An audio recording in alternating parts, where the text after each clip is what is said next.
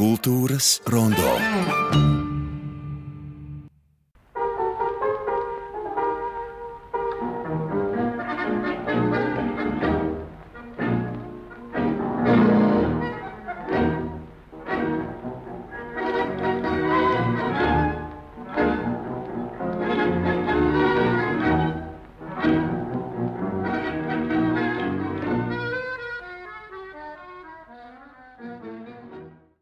Starpkaru Rīga. Tā droši vien mums saistās ar to, ko mums stāstījušas vecmāmiņas, un ko mēs varam redzēt uh, savos vai citos ģimenes albumos, fotografijās vai tālaika presē.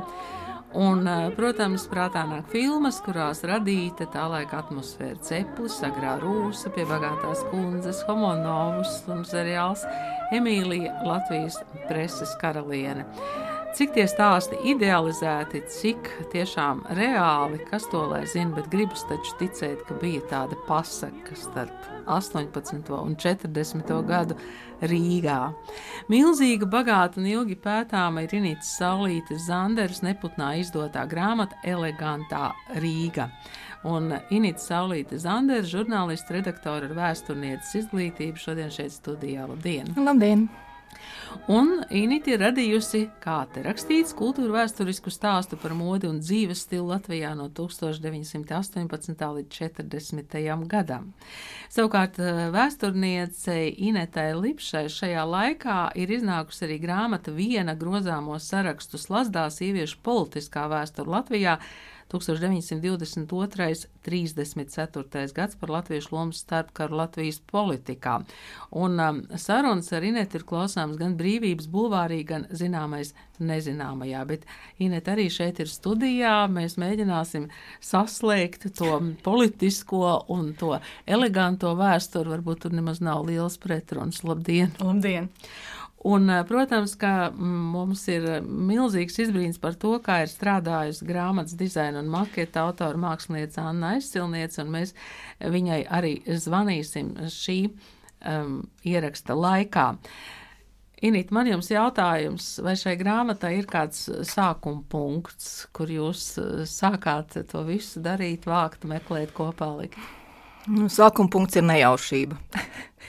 kā tas laikam dzīvē mēdz gadīties, jo bija um, simtgade un šķita, ka vajadzētu kaut ko mazliet papētīt par starpkaru modi, un es ļoti ātri sapratu, ka nevēlna nav, ka gandrīz nav nekādas apkopotas informācijas. Un tad es sāku rakāties pa veco presi, sāku iet uz muzejiem, meklēt dažādas grāmatas, adresu grāmatas šķirstīt. Nu, tā tas viss aizgāja lielā kamolā, kas rezultējās ar, ar šo lielo grāmatu. Inēt, man jums jautājums, vai tā politiskā vēsture cieši saistīta ar to modes un dzīves stila vēsturi? Es nezinu, cik cieši, bet tā viennozīmīgi ir saistīta, jo, nu, teiksim, uh, ja mēs skatāmies, kā sievietes starpkara Latvijā sāka veidot politisko karjeru, tad viņas balstījās uz to sabiedriskās darbinieces statusu. Tas nozīmē, ka viņas e, piedalījās dažādās e, labdarības organizācijās, labdarības biedrībās, pašas organizēja, un viņas tajā skaitā rīkoja arī balles, kurās vāca šos ziedojumus labdarīgiem mērķiem, lai trūcīgus bērnus pabalstītu, kara invalīdus un tam līdzīgi. Un tādā veidā mēs varam teikt, ka politiskā karjera ir arī neatņemami saistīta ar modi, jo šajās ballēs ieradās, protams, dažādu sociālo grupu e, cilvēki, bet e, tas viņus vienoja viens, ka tā vēlme izskatīties modernām, pēc kaut kāda standarta. Nu, teiksim, ja mēs varam teikt, ka tikai viena no šīm maza daļa no šiem cilvēkiem varēja tiešām dzīvot reāli dzīvē, izdzīvot šo starpkaru sapni ar šīm e, skaistajām kleitām un cepurītēm un kurpēm un visu ko, tad e, lielākā daļa, e, lielākā daļa šo sociālo grupu tas bija viņu sapnis, un viņam skapī gribēja vismaz vienu tādu kleitu vai vienas tādas kurpes, un tādā ziņā mēs varam veikt pilnīgi tieši sakaru starp modi un politiku politiku. Un arī otrādi politika ietekmēja modi, nu, sevišķi pēc Kārļa Ulmaņa apvērsuma tur pilnīgi, pilnīgi skaidrs, ja, kā, kāpēc kaut kas notiek tikai tad, ja tu zini to politisko un ekonomisko vēsturi. Mode jau nav kaut kas uh, atrauc no, no vispārējā. Būt modernam tajā laikā, uz kuru pusi tad um, skatījās Latvijas es, sievietes? Es tieši gribēju teikt, ka būt modernam tas bija drīzāk lamu vārds. Nopietni, jā? Jā, vai šiki, vai grezni, vai tas bija tāds jau ar tādu, un, un, un labāk nedariet tā. Tāpēc saucās elegantā Rīga, ka galvenais nosacījums bija elegance un atbilstoša situācijai ģērbties. Tātad priekšpusdienā neģērbies kā pēcpusdienā, un, un nedod Dievs, ja tu kažo kādās pastaigāsies priekšpusdienā pa brīvības bulvāri, vai, teiksim, aizies uz balli nepiemērotā apģērbā, vai uz pēcpusdienu stēju pārāk greznā apģērbā, tad uzreiz tika uz kā, preses kārā zoba un, un tika izrādīts, ka jāsako ir etiķetei un, un, un sabiedrībā pieņemtajiem noteikumiem. Nu, bet, eh, tas jau nozīmē, ka bija vajadzīga tāda kinderstūbe vai tā audzināšana. Jo, Presi audzināja. Jo, kā man teica Valentīna Freimana, piemēram, par kaut kādu situāciju mēs tā nedarām. Ja? Tā kā, tas tika audzināts, un, un presē parādījās arī um, diezgan niknas piezīmes par to, ka kāda atkal kaut ko nav izdarījusi tā kā vajag. Ja? Tieši tā. Patiesībā presa tiešām audzināja, un presē uzkrītoši daudz rakstīja par modi, par ģērbšanos, par gaumes lietām. Uh, sākot ar dienas uh, avīzēm, un, un, protams, visi žurnāli, uh, un uh, bija daudzi modes apskatnieki un kritiķi. Un analizēja gan balēs redzētos tērpus, gan, gan analizēja tos un sīki un smalki aprakstīja īpaši aizkulises. Uh, kurām nu, tie apskatnieki bija tiešām nu, tādi viskritiskāk noskaņotie. Viņi pamanīja visas kļūdas. Aizrādīja arī, ja vienā kleitā, tur, piemēram, arī pat Beņģis kundze ir bijusi, ja? nedrīkstēja vairākās reizes parādīties vienā un tajā pašā. Kas to politisko stilu noteica? Tas bija kaut kādas pasaules eh, etiķete, vai, vai tā mums bija tāda īpaša kaut kāda? Ja politisko stilu apģērbā, Jā politisko stilu apģērbā. Nu, es domāju, ka to noteica gan, gan nu, nevar neievērot to, kas nāk no Parīzes, kā jau Inita grāmatā ļoti plaši un, un detalizēti apraksta. Bet otra lieta ir arī, nu, te, e, ja mēs runājam par to vietējo, tad šī te e, latviešu vidusšķira, kura veidojas, cik tā, cik tā ir, teiksim, apjomā liela, bet, e, bet ja mēs skatāmies, tad latviešu sievietes politiķis un viena no tām populārākajām ir arī 4. saimā ievēlētā Berta Pīpiņa, nāk no šīm te, ko mēs varētu mūsdienās saukt par vidusšķiras aprindām un, un, un vidusšķiras ideāli. Nu, teiksim, tev būtu likumībam, pieticīgam un tajā pašā laikā parādīt to savu, nu, to savu iznesību un tam, līdzi, tam līdzīgi. Tas jau viss eh, tika arī jaunajās eh, sievietēs vidusšķirs, ja mēs runājam, attīstīts caur šīm korporāciju ballēm. Nu, kā, ko tev vilkt mugurā, kā tev, kā tev, ko tur pirmo deju dejo, kā vispār to deju iemācīties. Un, un šī milzīgā popularitāte ar balles deju kursiem visiem Rīgā, tā ņemšanās, kā an Anšlaus Eglīts, tad to ir brīnišķīgi mm, līgo medniekos laikam aprakstījis, ja es pareizi atceros.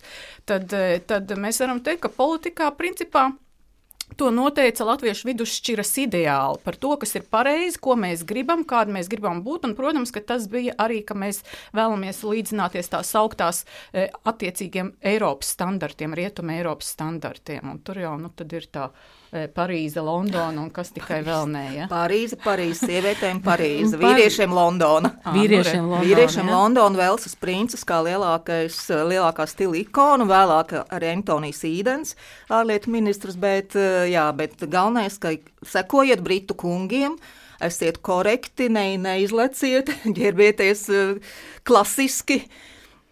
Un kam tad gribēja līdzināties sievietes? Nu, Tātad, pirmkārt, protams, tas skats uz to Parīzi. Jā, nu skats uz Parīzi. Bet, jā. bet, protams, ka ļoti daudz ietekmēja aktrises, mākslinieces, operdziedātājs, baladējotājs, arī rakstnieces, un, un tieši viņu stils tika aprakstīts presē. Nu, tātad, tika jau burtiski ieaudzināts, ja, kad, ka viņas ir tās, tās, tās elegantākās sievietes un viņām vajadzētu sekot. Nu, kas, piemēram, ir interesanti, ka aktrisēm bija pašām sev jāpērk tērpi. Līdz ar to arī no viņām gaidīja, ka, piemēram, tā Lilija Štengela, kas ir lielākā zvaigzne tā laika, nu, viena no lielākajām, ka viņa ne tikai parādīs labu teātri, bet ka viņa būs arī apģērbusies atbilstoši jaunākajām modes tendencēm. Un, un viņa brauc uz Parīzi. Viņa brauc uz Parīzi, iepirkās, un ir, tie, ir viena intervija, kur viņa tieši stāsta, ka, ka viņa labprāt mēģinātu Rīgā, bet no nu, viņas prasa, viņai vajag braukt uz to Parīzi un parādīt to Parīzes modu uz skatuves. Un tad vienā tajā izrādē viņai vajag vismaz 4-5 tērpus un ne tikai tērpus, kurpītes, somiņa, cepurīte, cimdi. Tad, tad nu, milzīgs komplekts, kas viņai ir jāiegādājas. Nebija vienkārši tam aktrisei. Jā, kur viņas naudu ņēma? Jā, tiešām. Nu, bija vislabāk atalgotā. Viņa droši vien varēja atļauties, bet principā presa arī tieši rakstīja par to, ka nabaga aktrises viņas vismaz 20% no algas viņām ir jāizdod tieši par tērpiem.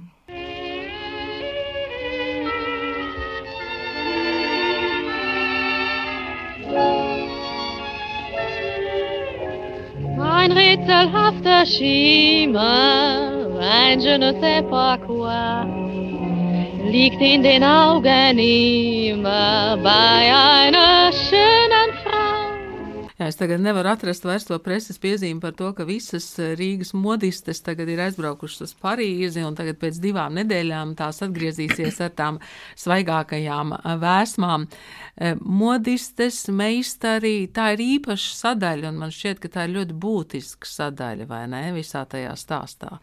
Nevis aizbrauc uz Parīzi un nopirka kaut kādu kleitu vai cepuri, bet kā meistari bija, kas varēja to darīt šeit.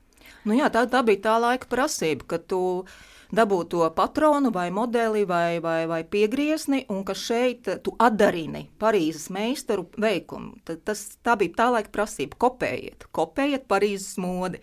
Un tad tās modistas tāpēc arī brauca, kas ir interesanti. Modistas pārsvarā Tāpēc viņas varēja aizbraukt. Viņas pārsvarā bija diezgan bagātu kungu sievas.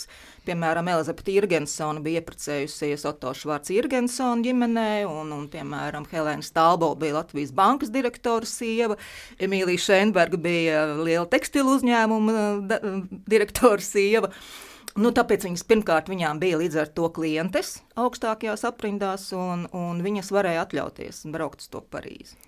Man, man šķiet, ka tā grāmata tas eh, neapšaubām milzīgais eh, pienesums vispār, ja mēs skatāmies eh, uz šo 20. un 30. gadu pagātni, ir tieši šis te, ka Inita grāmatā parāda, kā tā modes industrija darbojas, ka tur ir cepurnieces un, un, un cimdu taisītāji un šuvējas un viskaut kas, un, un ļoti liels, vismaz tāds iespējas rodas, un arī paskatoties to rādītāju, ļoti daudz šajā industrijā ir nodarbināts sievietes. Tās modistas jau, ko Inita tikko sauc, tās jau ir tās, kā saka, līderis, tās eh, vadītājas, eh, īpašnieces. Nu, mūsdienās teiktu modas dizaineris. Jā, jā, jā, bet eh, visus tos šūšanu, drākelēšanu, visus šos te darbiņus, tur ir milzīgs daudzums cilvēku iesaistīts, un liela daļa no viņām ir sievietes.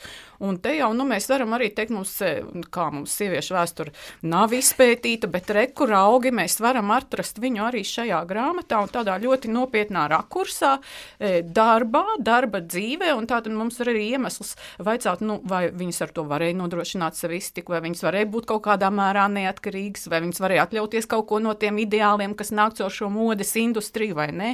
Nu, respektīvi, tu provocē ārkārtīgi interesants jautājums, kas varētu vēstīt vairāk par to, kā tie cilvēki cilvēki, kas nav vidusšķirā, kas apkalpo vidusšķiru savā ziņā, mēs varam teikt, kā viņi dzīvo, un viņi bija sabiedrības absolūtais vairākums, vai ne? Kur jūs, eh, Inīt, ņēmāt tos eh, sarakstus? Tātad, nu labi, auduma fabriks, es saprotu, tas tomēr ir kaut kas liels. Cimdinieku darbnīcas un veikali, kažokādu darbnīcas, modis, modis salonu, smalkādas izstrādājumu, ražotāji, tirgotāji un tā tālāk. Kur jūs ņēmāt visu to informāciju? Um, mani mīļie sludinājumi. Nu, piemēram, jaunākās ziņas, tur šķirsta jaunākās ziņas viena pēc otras, un jaunākās ziņās bija vismaz sešas reklāmlapas. Pirms svētkiem pat 25. Nu, tā tad katra, katra laikraksta numura, uh, visas reklāmas tu izskati, izraksti, saliec pa folderīšiem, pa sarakstiņiem, kurpnieki pie kurpniekiem. Pēc tam saliec pa adresēm, pa gadiem, kurš kurā brīdī kur ir, kur ir bijis. Protams, telefona grāmata 40. gada un nu, 23. gada adresu grāmatas dažādas, nu, kur par laimi dažā, daudzās ir arī tā saucamie branču saraksti, respektīvi pa nozarēm.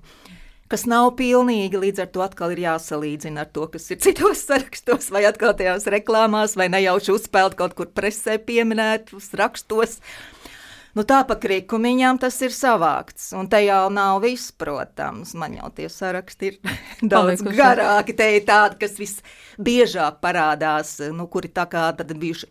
Um, aktīvāki, kuri vairāk sevi reklamējuši. Un, jā, bet, nu, protams, ka ir daudz vairāk. Tas tiešām bija amatnieku laiks. Un, uh, Nu, piemēram, Kalēja iela bija pilnīgi cepurnieku salonu iela. Bija viens pie otra ma mazi cepuru saloniņi, un, vai, teiksim, Barona iela bija, Barona ielā bija ļoti daudz kažokādu izstrādājumu veikalu un saloni. Un tas ir tik interesanti, jā, ka tomēr koncentrējās. Tad, kad tu sāc tās likt pa ielām, tad, tad nu, dabūtu to sajūtu, ka, ah, jā, tiešām šeit vairāk ir tas, vai, vai te ir te atkal koncentrējās vēl kaut kas. Jā, bet no aiz katras tās adreses ir cilvēki, par kuriem daudziem varbūt mēs īsti neko daudz nezinām. Ne? Nu, tas bija tas grūtākais, jo um, es, tāpēc daudziem ir, nav dzīves gadu, jo vienkārši nav iespējams atrast. Tiem pazīstamākiem tie dzimšanas gada vismaz parādās. Nu, cik mēs spējām, mēs ar redaktoru Antru Būlu, kurai es par to saku milzīgi paldies, jo viņi ļoti piedalījās faktu meklēšanā. Cik varējām, tik mēs atradām tos, tos dzīves beigas, bet nu, tas ir tāds vēl, nu, tur var meklēt un meklēt. Un tad tas būtu bezgalīgais stāsts, ja mēs mēģinātu viņu, viņus visus ielikt tajos dzīves rāmjos. Un, protams, tas skumjais stāsts, ka ļoti daudziem tur redz, ka aizvest uz Sibīriju, vai pazudis kara laikā, vai, vai slavena drēbnieka Rādičejas pirmā gadā jau pēc vācu okupācijas ir ielikuši sludinājumu, ka viņš ir kaut kad padomu laikā arestēts un viņi meklē. Un, nu, tāda, jā, tas beigas, protams, ir skumjas. Beigas eh, tiešām grāmatā ir ļoti, ļoti skumjas, bet eh, mēs šajā brīdī eh, pēc nelielas muzikālas starpspēles sazināsimies ar vēl kādu cilvēku, kas ļoti daudz ir darījis, proti, mākslinieca Anna Aizcilniece. Mums šeit eh, kultūras rondo studijā uz galda ir grāmata Elegantā Rīga, un studijā ir Inita Saulīta Zandere un Ineta Lipša.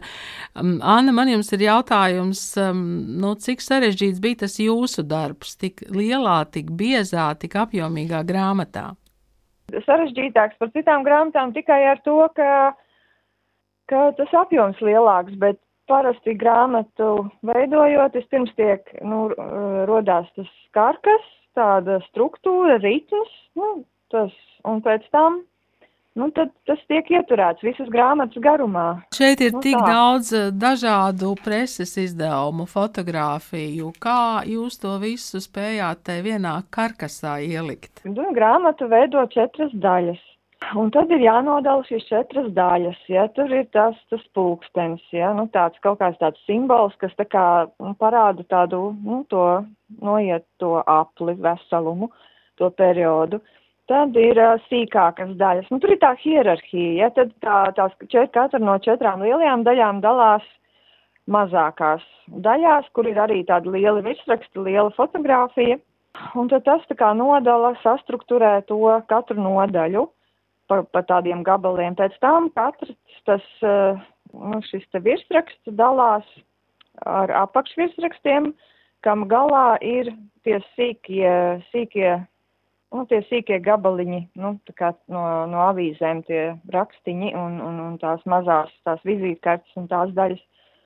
Un, un, un tas viss veido ritmu, tāpēc, ka tas atkārtojās nu, jā, bet tās pārmaiņas no 18. gada līdz 40. noteikti bija ļoti būtiskas.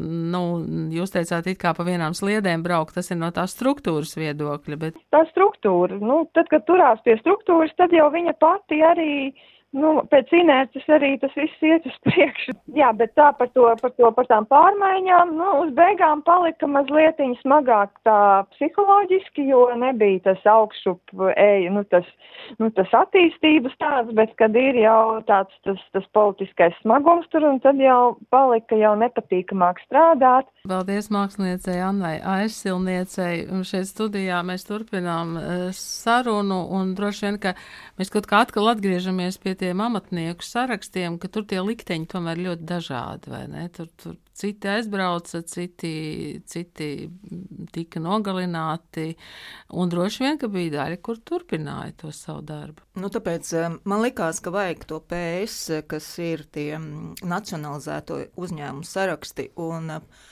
mainītie nosaukumi. Un tad tu redzi, ka tur zinām, amatnieki tāds un tāds uzņēmums pēkšņi kļūst par sarkano kvadrātu vai, vai, vai, vai padomi filcu vai nu, kaut ko tam līdzīgu.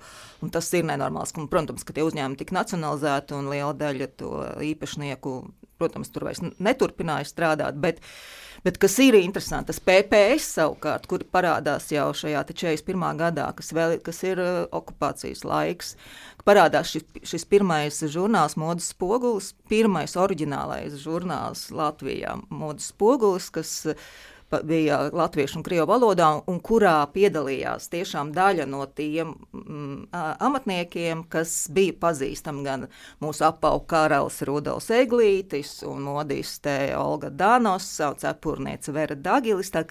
Viņi tajā 40, 41. gadā tomēr mēģināja pielāgoties. Tur gan, piemēram, tas pats Rudolfs Eglīts, viņš knapi izspruka no izsūtījuma, viņam vienkārši brīdināja sētniece, un viņš bija paslēpies pie sava zēļa kaut kur pārdaugavāt. Bet, nu, tā tad vienalga viņi tajā, tajā 40, 41. gadā vēl mēģināja kaut, kaut ko darīt, kaut kā izskulties. Nu, un, bet, nu, protams, ka jau pēc Vācijas okupācijas tad jau liela daļa vai nu emigrēja, vai, vai nu, daļa arī palika. Kā piemēram, ir viens mums pašā beigās pārsteidz stāsts, ir modes apskatniece ar pseidonīmu Lēdija Diana, kas, kas ir konkrēts personāžs. Un viņa ļoti skaisti rakstīja par, par modi, par modes skātēm, par, par dažādiem cilvēkiem un viņu tērpiem. Un tad pēkšņi mēs atradām vienu rakstiņu ja mūsdienu, mūsdienās, kuras stāstīts, ka šī te Vera Vanaga 40. gadā pēkšņi atpūtāja publicējusi romānu par eh, vecajiem laikiem, bet no, no tāda nu, ļoti pretīga pretīga viedokļa, un tad viņi kļūst par kolaborationisti. Jo mēs pēc, pirms tam ilgi domājām, kā, kā viņi varēja pēc, mums bija ziņas, ka viņi pēc kara ir tūkotāji, ka viņa, viņa bija turīga cilvēka sieva, bet, bet kā tad viņu neizsūtīja, viņa tomēr tur palika un, un mierīgi tūkoja grāmatas. Nu, tā tad cilvēks vienkārši 40 gadā sasmērējās. Nu, arī tādas stāsti ir. Anna teica, tā ļoti vienkārši. Tāpēc, ka ir struktūra, tāpēc arī ir vienkārši. Inita, jums rakstot tā struktūra, kurā brīdī veidojas patiesībā? Nu, redz, man ir 18 gadu pieredze būt žurnāla redaktoram. Un līdz ar to es jebkuru tekstu vizualizēju. Man ir uzreiz atvērumi, un es diezgan lielā mērā šo struktūru Annai arī iedevu, kā es to redzu. Un tas bija tas burvīgums, ka, ka viņa ļoti labi to sajūta.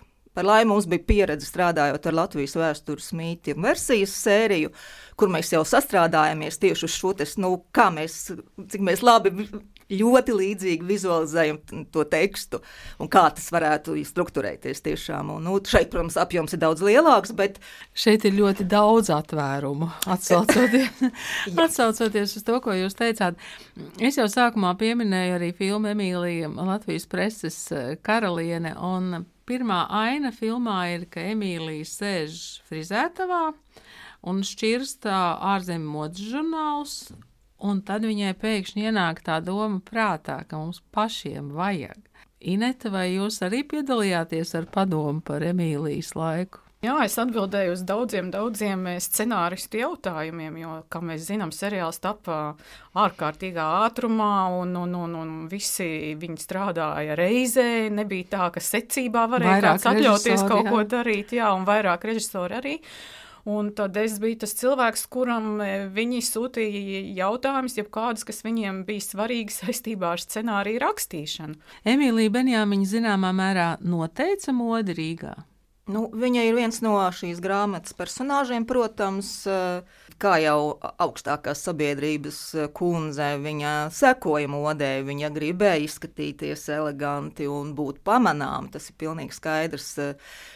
Protams, ka viņas salons lielā mērā noteica kaut kādas lietas, kaut kādus cilvēkus posteņos, vai labvēlību no Benjamina un jaunāko ziņu puses, vai viņa noteica modi. Nē, drīzāk Protams, viņa bija viena no visvairāk apspriestiem personāžiem, īpaši aizkulisēs. jo nu jā, mūsu preses karaliene, mūsu bieži vien vienkārši Emīlija vai mūsu miljonāre, un tiek apspriesti viņas tērpi, jo viņi varēja to grezni iznest. Mēs, tad, kad eh, filma tapa, runājām arī ar filmas mākslinieci Kristīnu Jurjāni, un tad, tad viņa stāstīja, kā tad viņa strādāja, un ir vērts arī paklausīties daļu no tām. Sākām ar uh, redakciju. Mēs uh, maksimāli centāmies iespēju robežās strādāt ar autentisku interjeru, ar, ar dokumentālām dzīves vietām.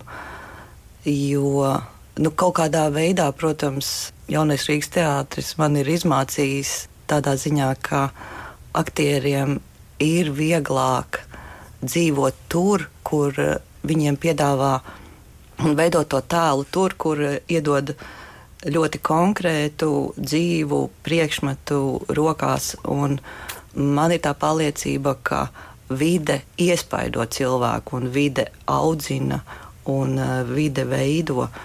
Un, tādā ziņā, protams, gan Benjamiņu mājas, fābu pils, interjeri, gan tagad vasaras posmā valdeķu paraugu saimniecība, valdeķu mūža, gan, protams, vecrīga un parki, gan arī Latvijas Nacionālā opera. Nacionālā operā tika svinēta Antona Benjamiņa dzimšanas diena, un tādā mirklī tur atkal bija ļoti interesanti, jo vajadzēja izzināt un saprast, kādā veidā, piemēram, tika formēts Kāļa Ulmaņa balkons.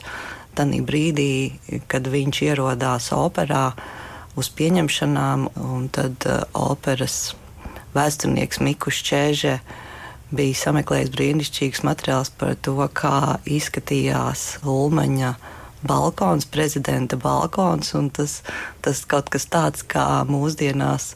Protams, grūti iztēloties, jo Kārlis Ulmans mīlēja sēdēt tādā kā botāniskā dārzā. Viņa tas balkons visās tajās fotografijās, kur tas ir fiksēts, nav pārāk daudz to materiālu, bet, bet jā, tur ir faktiski tāda krūmi un koki un uh, ziedu vijas. Nu, tiešām tādā mūsdienu izpratnē, botāniskajā dārza, maza saliņa, operas vidū. Nu, jā, mēs arī centāmies izveidot kaut ko līdzīgu. Kleitas un uzvalki un vispārējais bija daudz fotografijas, no kurām varēja paskatīties, kas tad, piemēram, Emīlijai Benjāmiņai bija tajā garderobē. Nu, kostīm mākslinieces šajā filmā ir Rūta Kuplā un Aija Strasdiņa. Kaut kā sākotnēji jau nu, savā ziņā mēs izlēmām, ka svarīgi ir, lai lai tas kostīms piestāv pirmām kārtām Gunai Zariņai. Un uh, tikai tad uh, tā atsauce uz vēsturisko Emīliju, jo fotografiju netrūkst, bet uh, vai tas ir vajadzīgs visos gadījumos? Šī brīdī mēs esam ar konkrētu aktrisi un ir svarīgi, uh, lai gūna jūtās komfortabli tajā, varbūt vairāk nekā tas ir dokumentāli precīzi punktiņu blūzīte vai ne, kas Emīlijai tur mugurā valdeķu mužā.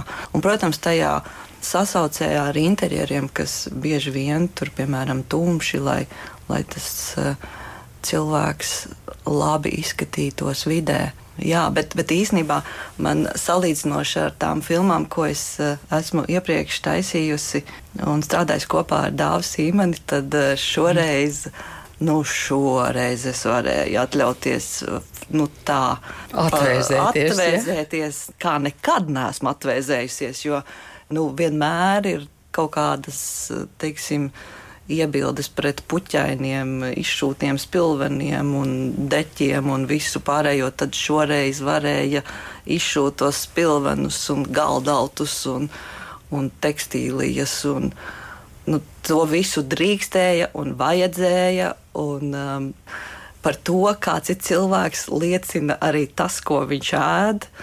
Tad, uh, protams, visas kulinārās neprātības, tas, tas tiešām bija pārbaudījums. Bet tas bija arī ārkārtīgi interesanti un aizraujoši. Pilnīgs neprāts īstenībā, jo tās preses balles nu, arī tajā laikā bija kaut kas tāds, ko apraksta smalko kroniku žurnālisti. Un, un tad, tad mēs kopā ar Andu Mizišu un, un Andreju Rudzātu pētījām Minjons pavārgrāmatu, kas ir 30. gada pavārgrāmata, un tur ir tādi brīnišķīgi gravīras ar brīnišķīgs gravīrs ar, ar vēžu piramīdām un tādās batālijās, kā tikai baroka laikā varēja atļauties. Tad, nu, mēs arī atļāvāmies faktiski. Kur tad bija visvairāk tie interjeri nojaukti? Godīgi sakot, tie interjeri jau nekur neeksistē tādi. Jaunāko ziņu un atpūtas redakcija tika radīta pilnīgi no nulles tepat Vāgner zālē. un, eh, nu, tāpat arī, protams, Fābu pils. Nu, vienīgi, protams, tur ir vēsturiski saglabājies Benjamiņas salons. Guļamistabas salons. Tas tiešām skaitās kultūras piemineklis, tas nav izjaukts, un tas tā kā viņa bija iecerējusi to spoguļu, stiklu, skapja sienu, tā tas joprojām tur ir saglabājies, un tie vēsturiskie kamīni. Bet viss pārējais tika radīts no jauna. Skaidrs, mēbeles mēs varam atnest eh, un atrast visādas. Svarīga jau reizēm ir, piemēram, nu, vitrāžu siena, kas ir Benjamiņu mājas, tā slavenā siena ar trijām māsām, kur viņas ir tautstērpos.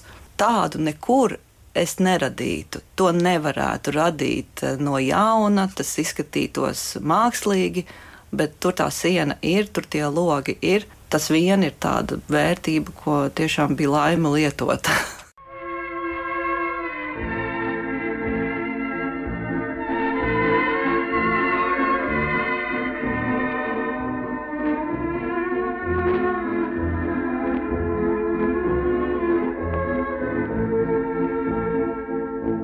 Mēs joprojām kavējamies elegantajā Rīgā kultūra vēsturiskā stāstā par modi un dzīves stilu Latvijā 18. un 40. gads un studijā autori Inita Saulīta Zandere un vēsturniece Ineta Lipša. Par eh, kleitām, par cepurēm, par apaviem, bet kamēr skanēja ieraksts, eh, jūs runājāt arī par tādām lietām, kas mūsdienās šķistu pilnīgs absurds. Piemēram, vai sievietes drīkstēja krāsot sarkanus nagus. Presē bija pat aptauja aptaujas, aptaujāja slavenus cilvēkus, jo acīm redzot, bija kaut kur parādījušies šie sarkanie nagi, un tad bija aptauja par to, vai sievietes drīkst smēķēt, un vai sievietes drīkst krāsot sarkanus nagus. Nu, jāatzīst, ka lielākā daļa aptaujāto, gan vīriešu, gan sieviešu teica, ka nu, smēķēt nu, var būt vēl tā, jo tas, tajā laikā tas bija modīgi.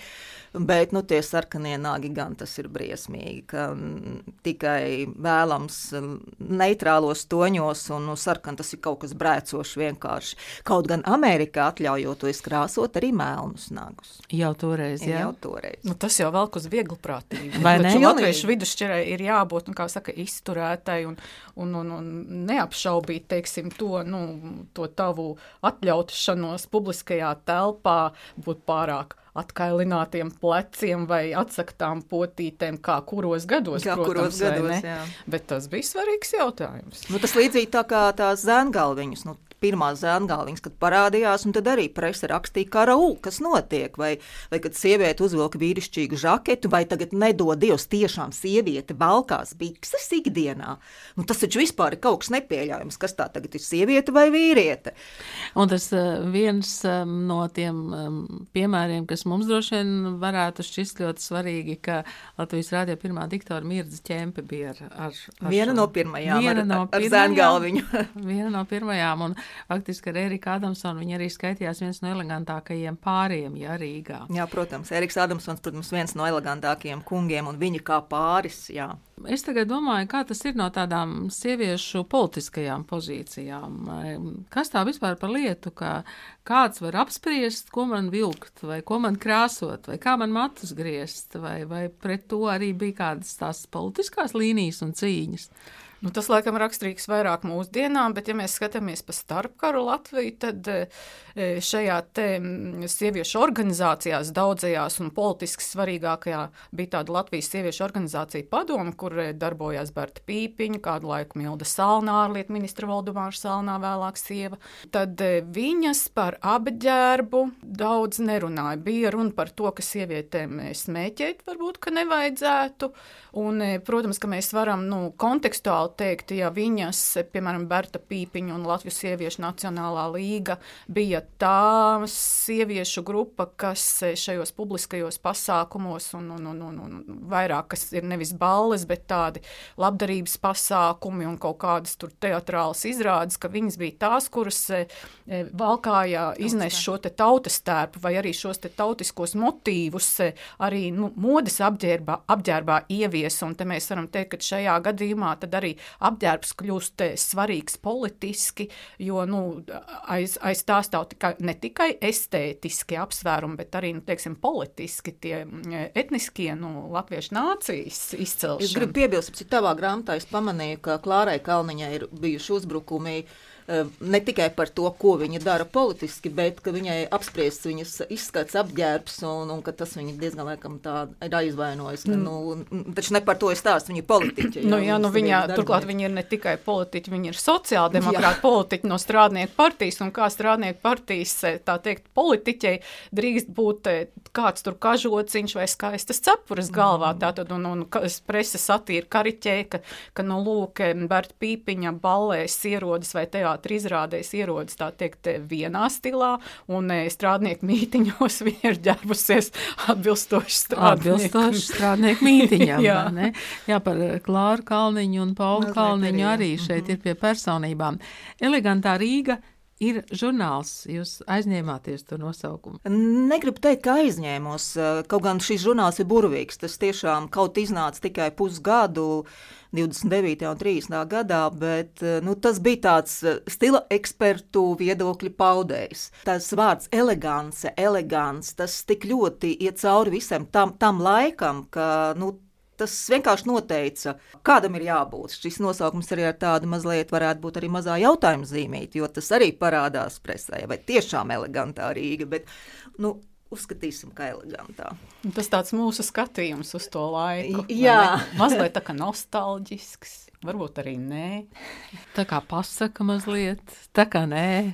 Tā grāmata ir ierāmēta ar faktiski nu, traģiskiem notikumiem no vienas un no otras puses. Tātad 18. gads, kad dibinās uh, Latvijas republika, bet uh, tikko ir beidzies karš un, un visas tās uh, pēckara šausmas, un, uh, un beigas ir uh, vēl jo šausmīgāks, ir 40. gads.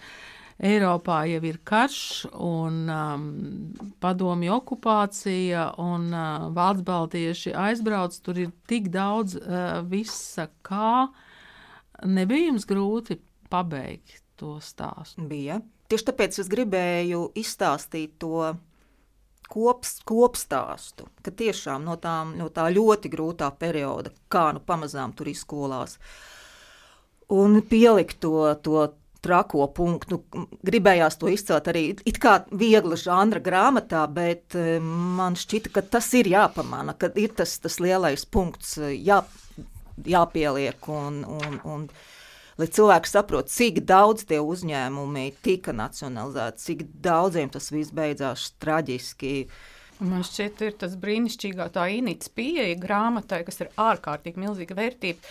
Tas ir tas, ka viņa stāsta ne tikai to stāstu par modi un dzīves stilu, bet te ir tas Eh, sociālpolitiskais konteksts, ka cilvēks izlasot šo grāmatu, viņš eh, saprot, eh, kas notika Latvijā tajā laikā. Un ne tikai te ir arī tas pasaules konteksts iedots atsevišķās rubrikās, kuras tur iet cauri visām nodaļām.